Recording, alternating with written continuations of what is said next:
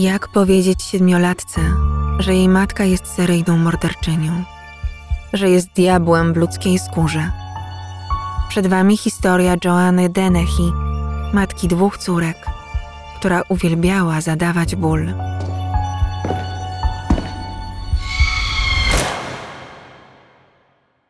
Joanna Christine Dennehy urodziła się 29 sierpnia 1982 roku. Jej rodzice, Kevin i Kathleen, mieszkali w dużym domu w St. Albans, niedaleko Londynu. Ojciec pracował w firmie telekomunikacyjnej, matka w supermarkecie. Rodzina była zwykła, przeciętna, kochająca się. Rodzice okazywali tyle samo miłości i zainteresowania obydwu córkom, Joannie i trzy lata młodszej Marii. Ale czasu dla nich mieli już znacznie mniej. Dużo pracowali, późno wracali do domu. Joanna radziła sobie całkiem dobrze w szkole. Marzyła o karierze prawniczki, a rodzice płacili za dodatkowe lekcje przygotowujące ją do trudnych studiów. Grała w hokeja i w siatkówkę. Atrakcyjna dziewczyna doskonale radziła sobie w szkolnej społeczności. Do czasu, gdy spróbowała narkotyków i alkoholu.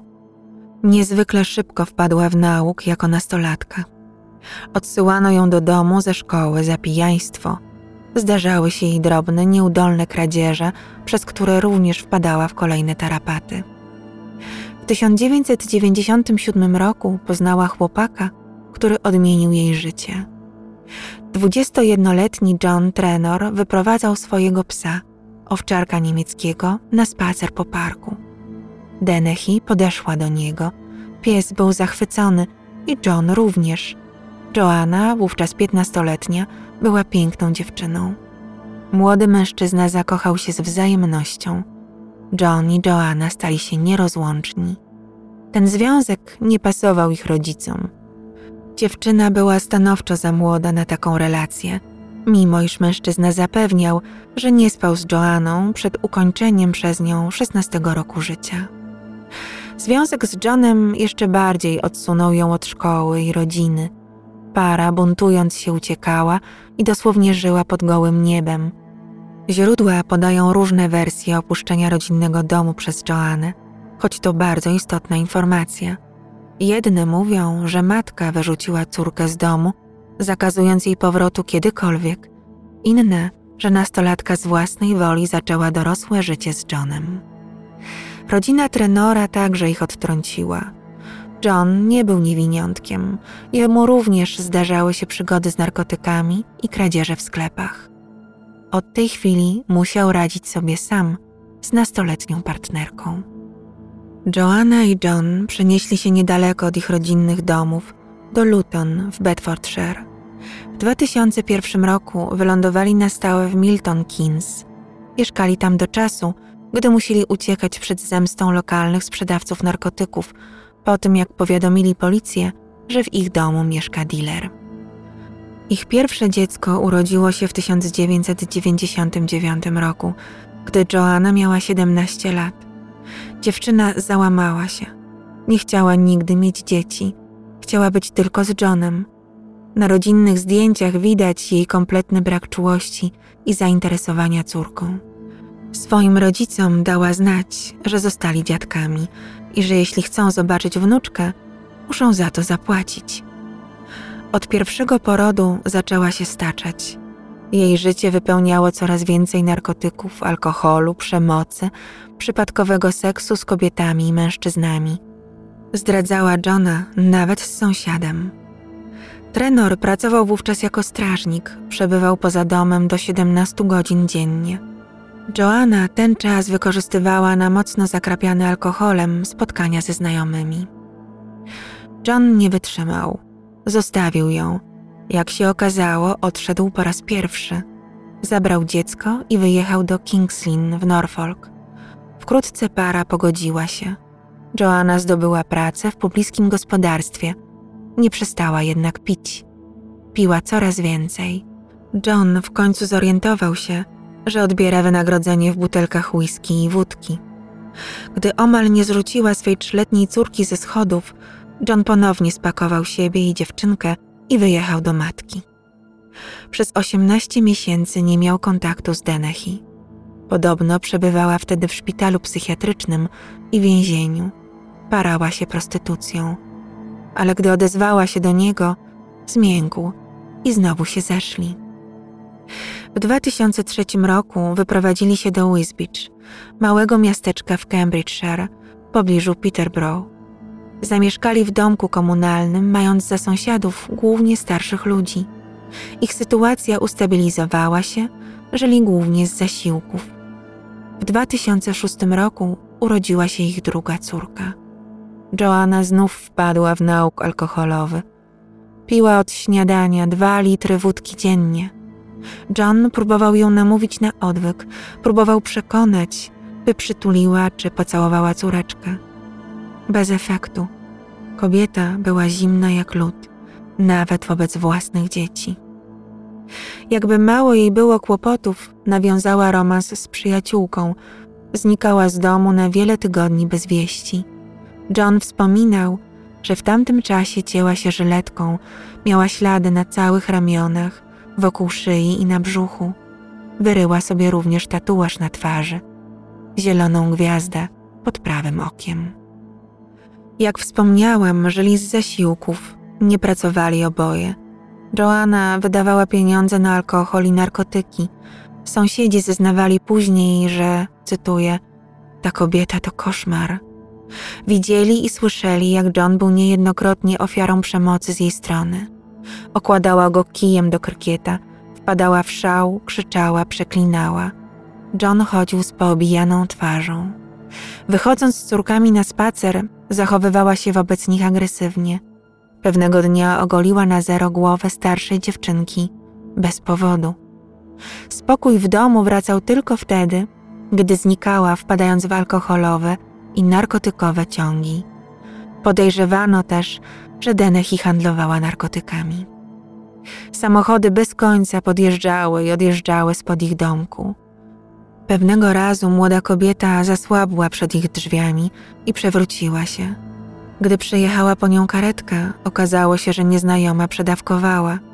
Często wzywano do nich policję za zakłócanie porządku i hałasy. Joanna także poza domem sprawiała kłopoty. Pewnego razu przewróciła się na cmentarzu i tam już została na całą noc. Najprawdopodobniej też prostytuowała się, by zdobyć pieniądze na narkotyki. Córkami zajmował się wyłącznie ojciec. John woził starszą córkę do szkoły i odbierał ją. Zapewniał minimalne pozory normalności w tej patologicznej sytuacji rodzinnej. Ostatecznie w 2009 roku, przerażony na śmierć, uciekł z dziećmi od Joanny. Tak to wyjaśnił. Wiedziałem, że muszę uciekać w chwili, gdy wyciągnęła 15-centymetrowe ostrze ze swojego kozaka i wbiła je w dywan.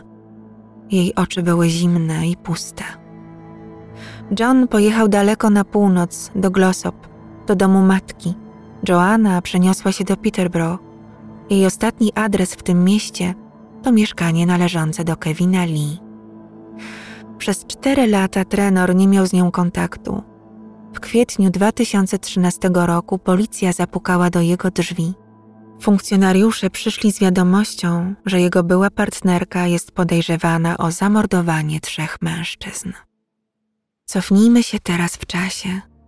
Joanna od trzech lat żyła na własną rękę, niekoniecznie zgodnie z prawem. W 2012 roku skazano ją na 14 tygodni więzienia za kradzież. Zaliczyła również pobyt w Peterborough City Hospital. Zdiagnozowano u niej psychopatię, zaburzenia osobowościowe, emocjonalne i antyspołeczne oraz zaburzenia obsesyjno-kompulsywne. Ponadto więzienny psychiatra zdiagnozował u niej sadomasochizm. Lubiła ranić siebie i innych, dosłownie.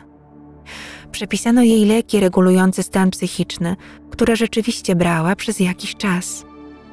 Była też nałogowym kłamcą. Próbowała wmówić otoczeniu, że jej ojciec wykorzystywał ją seksualnie, za co go zabiła i trafiła do więzienia. Zdaje się, że w pewnym momencie, pod wpływem środków odurzających, sama już nie wiedziała, co jest prawdą, a co wymysłem.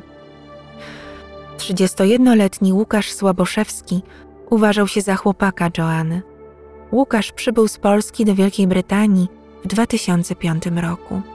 Pracował w magazynie jednej z firm kurierskich. Chętnie pił z Denechy alkohol i brał inne używki.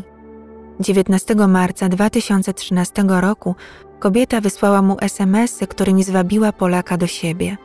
Gdy przyszedł, dźgnęła go nożem prosto w serce. Ciała pomógł się jej pozbyć jej partner, mierzący 2 metry 20 centymetrów Gary Stretch Richards, razem ze swoim współpracownikiem Leslie Laytonem. Zwłoki Łukasza wylądowały w kontenerze na śmieci. Sytuację zobaczyła czternastolatka z sąsiedztwa, której Denechy pochwaliła się swoim martwym trofeum. Nic się jednak nie wydarzyło. Nikt nie zwrócił na to uwagi, nie wezwał policji. Ciało leżało tam dość długo, aż do kolejnej zbrodni. 29 marca John Chapman, 56-letni współlokator Joanny, zginął prawdopodobnie we własnym łóżku podczas snu. Denechy dźgnęła go nożem w szyję i klatkę piersiową. Gary i Layton znów pomogli kobiecie pozbyć się zwłok razem z ciałem Łukasza wyciągniętym ze śmietnika. Zabrali szczątki samochodem i wyrzucili do wiejskiego rowu melioracyjnego poza granicami miasta, tuż przy Torni Dyke, około 15 kilometrów na północny wschód od Peterborough. Obydwa ciała znalazł przechodzień 3 kwietnia. Policja rozpoczęła poszukiwania sprawców, podając też informacje o ofiarach do publicznej wiadomości. Joanna poznała swoją trzecią ofiarę, 48-letniego dewelopera Kevina Lee, na początku 2013 roku. Wynajęła od niego pokój. Oboje zaczęli czerpać z tej znajomości obustronne korzyści. Ona nie musiała płacić za mieszkanie, on wszedł z nią w relację seksualną. Do tego młoda kobieta zaczęła pracować dla niego jako egzekutor czesnego. Przychodząc po pieniądze, groziła lokatorom nożem. W jej mniemaniu w jakimś sensie osiągnęła stabilizację. Miała pracę, mieszkanie i partnera, tyle że praca była nieuczciwa, mieszkanie nie należało do niej, a partner był żonaty.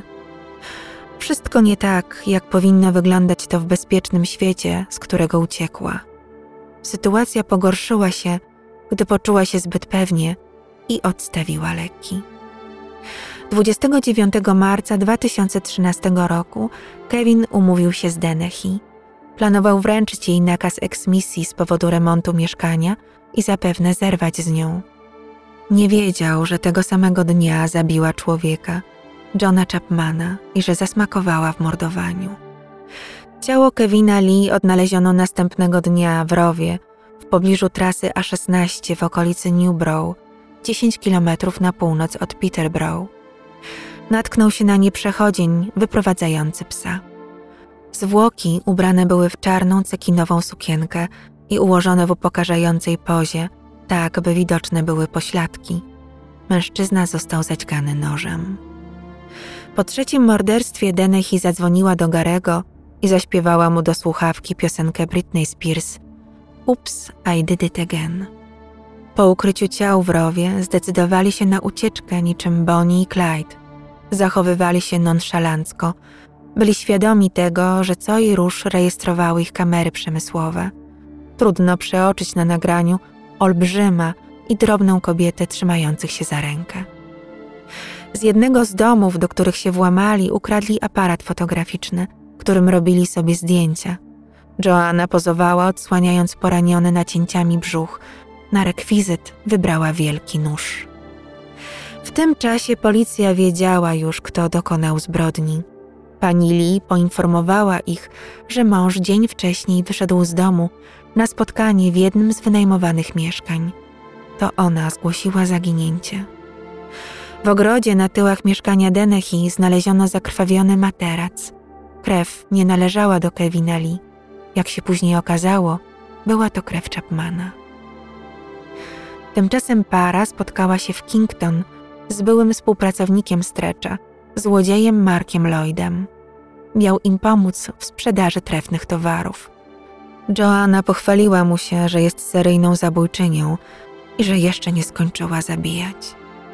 Zagroziła mu nożem, zmuszając do podróżowania razem z nią i streczem. Pojechali do Hereford. Zatrzymali się, żeby kupić papierosy. Denechy zażądała, żeby Gary znalazł jej ofiarę. Już, teraz, natychmiast. Romantyczny kochanek wskazał na pierwszego lepszego mężczyznę. On się nada? Była godzina piętnasta, środek dnia. 63-letni emerytowany strażak Robin Bereza spacerował z psem wzdłuż West Falling Street, gdy Denechy zaatakowała go od tyłu. Dźgnęła go dwukrotnie. Odwróciła się, pobiegła do samochodu i oznajmiła, że chce kolejnej ofiary. Stretch wskazał następnego mężczyznę wyprowadzającego psa. Był nim 56-letni John Rogers.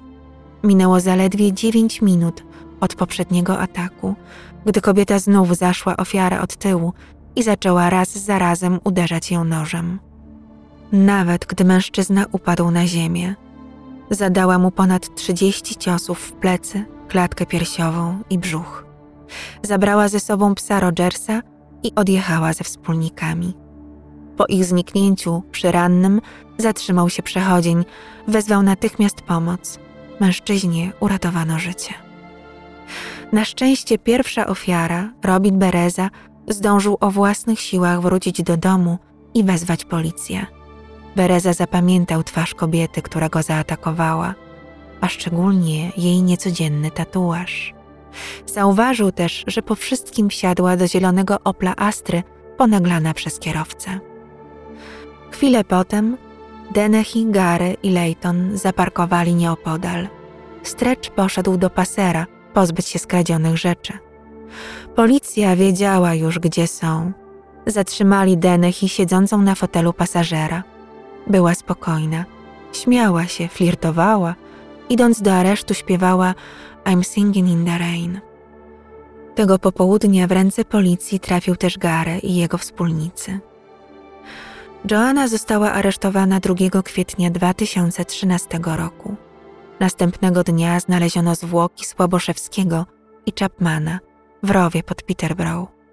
Śledczy szybko powiązali trzy zbrodnie, trzy ciała, trzy osoby zabite w ten sam sposób, tym samym narzędziem. Trzech mężczyzn łączyła jedna osoba Joanna Denechy.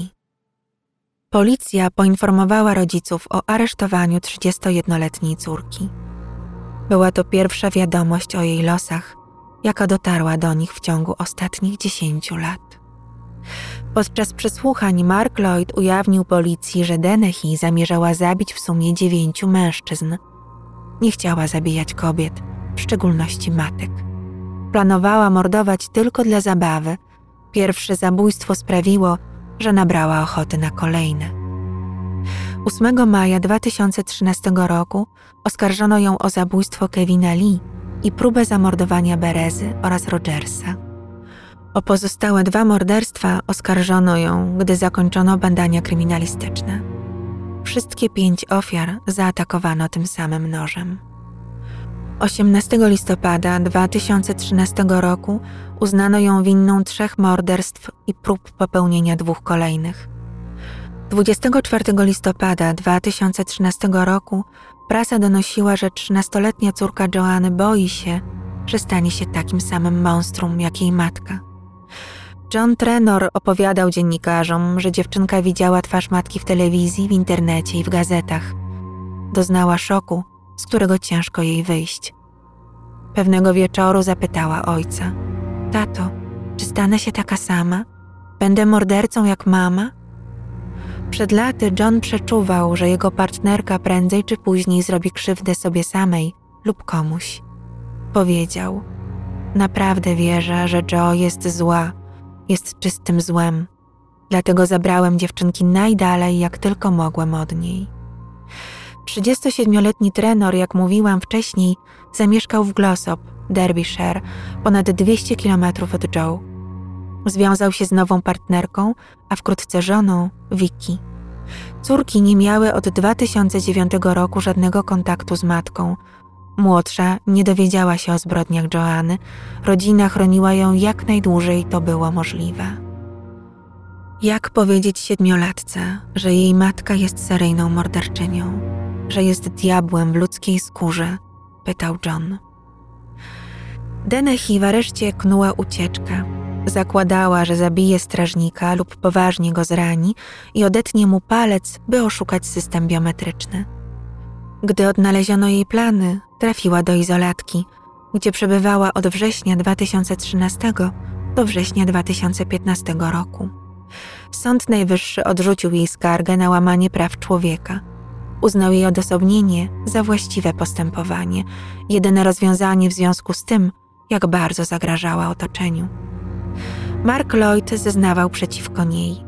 Pozostał biernym świadkiem jej przestępstw. O nic go nie oskarżono. 10 lutego 2014 roku Garego Strecza uznano winnym usiłowania zabójstwa. Wraz z Laytonem skazano go też za uniemożliwienie legalnego pochówku zwłok. Podczas procesu Dennehy w sądzie Old Bailey zapadła martwa cisza, gdy oskarżona z uśmiechem na twarzy przyznała się do winy, do zamordowania trzech mężczyzn i próby zamordowania dwóch innych. Jej obrońcom dosłownie opadły szczęki. Do tego stopnia byli wstrząśnięci, że poprosili sąd o dodatkowe trzy dni przerwy na rozmowę z klientką. Kobieta według nich nie przemyślała swoich słów. Ona jednak odmówiła dalszych dyskusji z adwokatami. Podsumowała: Przyznałam się do winy i to tyle. Zabiłam, żeby sprawdzić, czy faktycznie jestem taka zimna. 28 lutego 2014 roku Dennehy została skazana na dożywocie bez możliwości wcześniejszego opuszczenia więzienia. Sędzia powiedział wprost, że ta kobieta nigdy nie powinna wyjść na wolność. 47-letni Gary Stretch Richards również został skazany na dożywocie, jednak z możliwością starania się o przedterminowe zwolnienie po 19 latach. Nigdy nie przyznał się do winy. Layton dostał karę 14 lat, a kolejny wspólnik, Robert Moore, 3 lata. Okazało się, że nie tylko Dennehy i jej wspólnicy są winni. Joanna przebywała na zwolnieniu warunkowym pod kuratelą za napaść i posiadanie niebezpiecznego psa w czasie, gdy dokonywała morderstw. Ustalono, że jej kuratorzy nie zostali odpowiednio przeszkoleni. W raporcie napisali: Ma potencjał, by wyrządzić poważną krzywdę, ale najprawdopodobniej tego nie zrobi. Dennehy przebywała w więzieniu Brownsfield w Surrey, największym więzieniu dla kobiet w Europie, zarządzanym w dodatku przez prywatną firmę Sodexo Justice Services. W 2018 roku Joanna zawarła pakt samobójczy z inną osadzoną, Hayley Palmer. Wcześniej władze udzieliły im zgody na ślub. Rodzina Palmer była jednak stanowczo przeciwna temu związkowi. W 2019 roku Dennehy została przeniesiona do Low Newton Prison w County Durham. Gdy wyszło na jaw, że Joanna chce zabić Rose West, seryjną morderczynię skazaną za dziewięć morderstw, przeniesiono tę drugą do New Hall w Wakefield. W czerwcu 2020 roku okazało się, że jest w kolejnym związku, tym razem z 25-letnią Emmą Etken, odsiadującą wyrok 12 lat za współudział w morderstwie. Całkiem niedawno jeden ze strażników z więzienia, w którym Dennehy przebywa, został oskarżony o niewłaściwe kontakty z inną osadzoną. Podczas przeszukania w jego domu w 2021 roku odnaleziono miłosne listy od Joanny. Pięćdziesięciolatek nie zgłosił tej korespondencji przełożonym, sam też nie odpowiedział psychopatce. Nie reagował na zaloty 38-latki i nie okazywał wobec niej strachu, tak jak czynili to inni. Tymczasem niedoszła żona Dennehy, Hayley Palmer, wyszła z więzienia po odsiedzeniu 16 lat i w maju 2021 roku wraz z Joanną ogłosiła, że zamierzają się pobrać. Palmer dała swojej wybrance ultimatum: nigdy więcej żadnych morderstw. Żartowała też, że nikt nie pozwoli im na wspólne krojenie weselnego tortu. Kobiety chcą się pobrać w końcu 2021 roku. Kto wie, może tym razem uda im się zalegalizować związek, zanim Joanna znajdzie następną miłość za kratami. Jedyne Brytyjki poza nią skazane na najwyższy wymiar kary w Wielkiej Brytanii to Myra Hindley i Rose West. Hindley skazano w 1966 roku. Siedziała w więzieniu 36 lat, aż do swojej śmierci w 2002 roku. Skazano ją za pięć morderstw, których dopuściła się wraz z Ianem Bradym.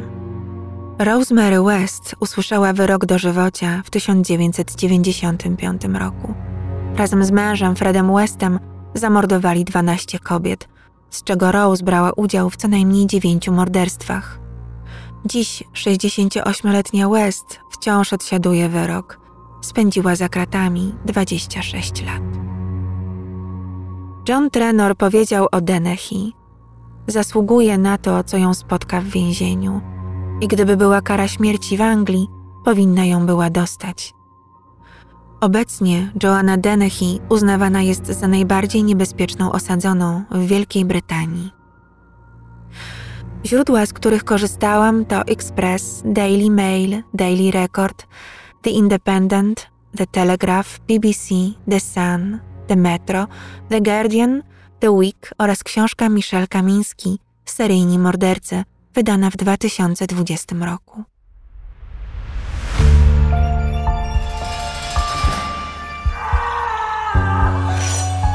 Dziękuję za Waszą uwagę. Nie wiem sama, czy to była opowieść z morałem, czy dałoby się uniknąć zła, jakie wyrządziła Joanna. Być może niektórzy słusznie uważają ją za wcielone zło. Najgorsze, że to, co sprawiało jej przyjemność, doprowadziło do śmierci trzech osób i poważnego zranienia dwóch innych. Córki Joanny Dennehy, dziś w wieku 22 i 15 lat, będą musiały żyć ze świadomością, że ich matka była seryjną morderczynią i dobrze się przy tym bawiła. Zapraszam Was na kolejne opowieści. Świat pełen jest prawdziwej makabry. Renata z worka kości.